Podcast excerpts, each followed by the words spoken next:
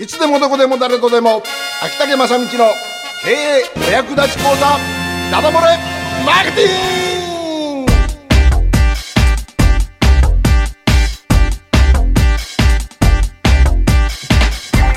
さて、えー時刻の方は6時を回りまして、えー爆弾発言を続けております。我が大統領も、今日はちょっと更年期でね。え もう言いたいことを言うようなそんなもう本当おじいちゃんになっちゃいましたよ。そうですか、えねでもでもそのあなんか面白くないとか、うん。やってもダメとか思わないですね、まだね、うん更年期になそれなってないってことですよ。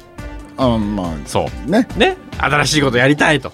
抵抗してるわけですよそう林野野庁敵に回してでも、っていう。林野庁をね、はい、さあそんなあー大統領でございますけども、はい。6時といえば恒例のコーナーでございます、はい。ダダ漏れマーケティング。はい。はい。もう第3クール第3ステージに入りましたね。そうですね。えーこのダダモレマーケティングでございますが、はい。えー今回は第2回目となりますね。もうお客様メロメロ営業マーケティングみたいな。でしたね。はい。もうお客様がメロメロですよ、うん。これを実践すればですね、えーということで前回は一貫性の法則というまあ本当に、えー営業えー心理学ではうん。よく、えー使われるテクニックをお話ししましたが、えー今週はですねそれとよくセットで、まあ、考えられるんですが、えー偏方性の法則と、偏方性。はいはい。偏方性ですね、はい。えー返す報いる性質の性ですね。うん。の、えーまあ、法則あるいは原理とか言われますが、はい。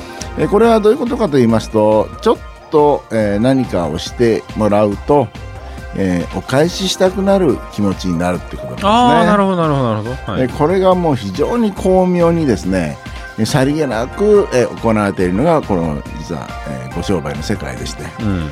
よくあのオファーとか言います特典とかですね、うん。えーいうことで、えーちょっとプレゼントとか。それからあどっかの干物屋もやってましたね。試食ですねはいはいはい。試食、えーこういうのでですね実はちょっと、えー覗いてみて試食させてもらったらやっぱそのまま帰るわけいかんよねという気持ちが働いてしまう。何かお返ししなければいけねえというこういう気持ちが働いてしまうと。えこれをえ活用したの、え活用するというかこういう気持ちをこう偏方性の法則と言いうん。ます。まあよく釣られるっていうね。あのそうですよ。はい。うん、でこの今はですねもう残念なことにご商売人辛いのは、うん。例えばえデパ地下とかでもですねいっぱいこう試食しますよね。はい。そうしますとちょっと前まあ20年ぐらい前だったらですねそうそう試食販売ってめったにっていうか、まあ、特別にね、うん。単品1個試食販売みたいな感じでやっとったんですが最近はほらどこの売り場も軒並み試食が並んでたりするじゃないですか。そうですよねでもそういうこと試食ばっかり食べていこうかみたいなもう試食が夕食みたいな方もいらっしゃると。うんえーことですのでその当たり前になってしまってですね試食がそのもう俺ありがとうございますって気持ちが湧くほどでもなくなっちゃったという世界がありますね。うんであのーもう売り子さんの方もですね、あのーせっかく食べさせてあげてるのにって気持ちがあったりしてね。うん。ああそういうなってしまうとね。嫌だね。うん。うん、でまあこのですね試食っていうのは本当にあの一回食べさ食べさせてもらうとですねあやっぱこれだけ食べてやっぱか何か返さなきゃいけないかなと思って、えー返そうという気持ちでついつい買っちゃうってことなんですがもうここまででいっぱい試食のものが、えー増えてきますともうお腹いっぱいっていうか 本当太っ腹でですね試食出すぐらいじゃないともう効き目があんまりないってことになりますね。うん。うん。さあ、あのー偏方性の法則とともによく言われるのが一貫性の法則、うん。一貫性の法則というのは一回を使ったりそれを認めてしまうこう私はここのファンだとかコミットしてしまうとそれを、えー崩したくないという、えー気持ちが働くと無意識が働くんですけどね。という考え方なんですがこの偏方性の法則は例えば大きな、えー何かですね、えー大きな情報。うん。もしかしたら例えば車ですよ。はいはいはい。車をね今度新製品を車ファンに対して車のファンに対して、うん。実はこういう車新発売でありますよ今度でお客様ちょっと先に言いますけどって言うじゃないですか、うん。そしたら、えー新しい情報で喜ぶですよね。喜ぶ。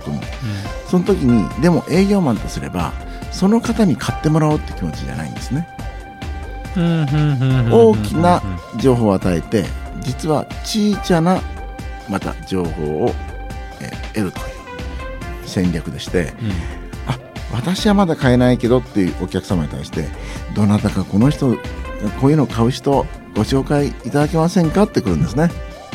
大きな情報を与えておいて、うん。で小さな誰か紹介してっていういうものを持ってきます、うんそしたらこの小さいことですからあせっかく教えてもらったからじゃあ紹介しようか、えーこういうふうな形で偏方性の法則が使われたりします。逆に一貫性の法則の場合はですね小さなステップを一歩踏まして大きなものに持っていくのは一貫性の法則ですね、えー小さな、えーなんですかちょっとした、えー資料をもらったと。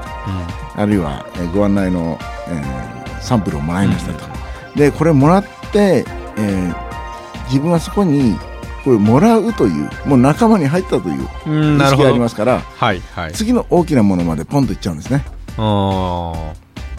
やっぱりこう何かでまあまあまあ、えーとうん。こっち側から言えば巻き込んでいく、えー向こうから言えば関係を持っていくというか、うん。お客さんから言えばね。だかそれがら強いと街中でよくありますね。年配者の方が一つの部屋にまとまってですね。そうですよね。いろんなものをこう説明を受けて、えー最後にもうその、何十人かのうちの何人かが契約すればいいんですけども、えー最初大根あげますとか、うん。えーささやかなものをこううん。プレゼントしてですね、えーそれでおお年寄りの方々はねあのなんかお返ししなきゃと思ってね、まあ、せめて話だけでも聞こうかと。はいはいはいはい。ですね、えーそれを買い物するわけじゃないんですよ。うん何かもらったからやっぱここで買えるのは申し訳ないよねっていうことで、うん。お話だけでも聞いていこうかって言った時に今度イエス3連発が来るわけですよ。うん。えー皆さん高校じゃないですかって。はい。でしょう高校ですよね。はい。ですよね。高校ですよね。はい。って来てはいはいはい。って言ったら最後に契約書にサインしますかって。はい。ってなっちゃうっていうですね。もう話だけ聞いとこうかっていうのがこれはもう一つぼにはまっちゃうということになります。まあそういうですねあのあんまり営業テクニックでこういうことにやっぱ気をつけてもらいたいんだけれどもえご商売を本当にいい商品売られてる商売人さんたちはですねぜひぜひあのそういうまず一歩を踏み出してもらったりそれから最初にちょっとサービスでよく言いますね損して得取れっていう。うん。まあそれの本当実際版ですよね、えーそういうふうな形で、えー活用されてみてはいかがでしょうかってですね。なるほまああのーそういうことで今日はサクッと。どああでいいんですか？何かありますか？いやいやいいですいいです。あきっとこれでポッドキャストもね、ええ。まとめやすくなると思いますよ。短いけもう全然最近ね中身がないっていうもう意思表示でしょうかね。ポッドキャスト全然上がりませんもん。あそうか。じゃあ、え。いいね、えー充実ということで、ええ。まあまああの、えはい。でその分商店街の方のお話はさせていただきましょう、あの大型助成金の話もねたくさん出てますんで、はい。えーそれに時間をねこの後は割いて、でいつものコーナーと。はい。はい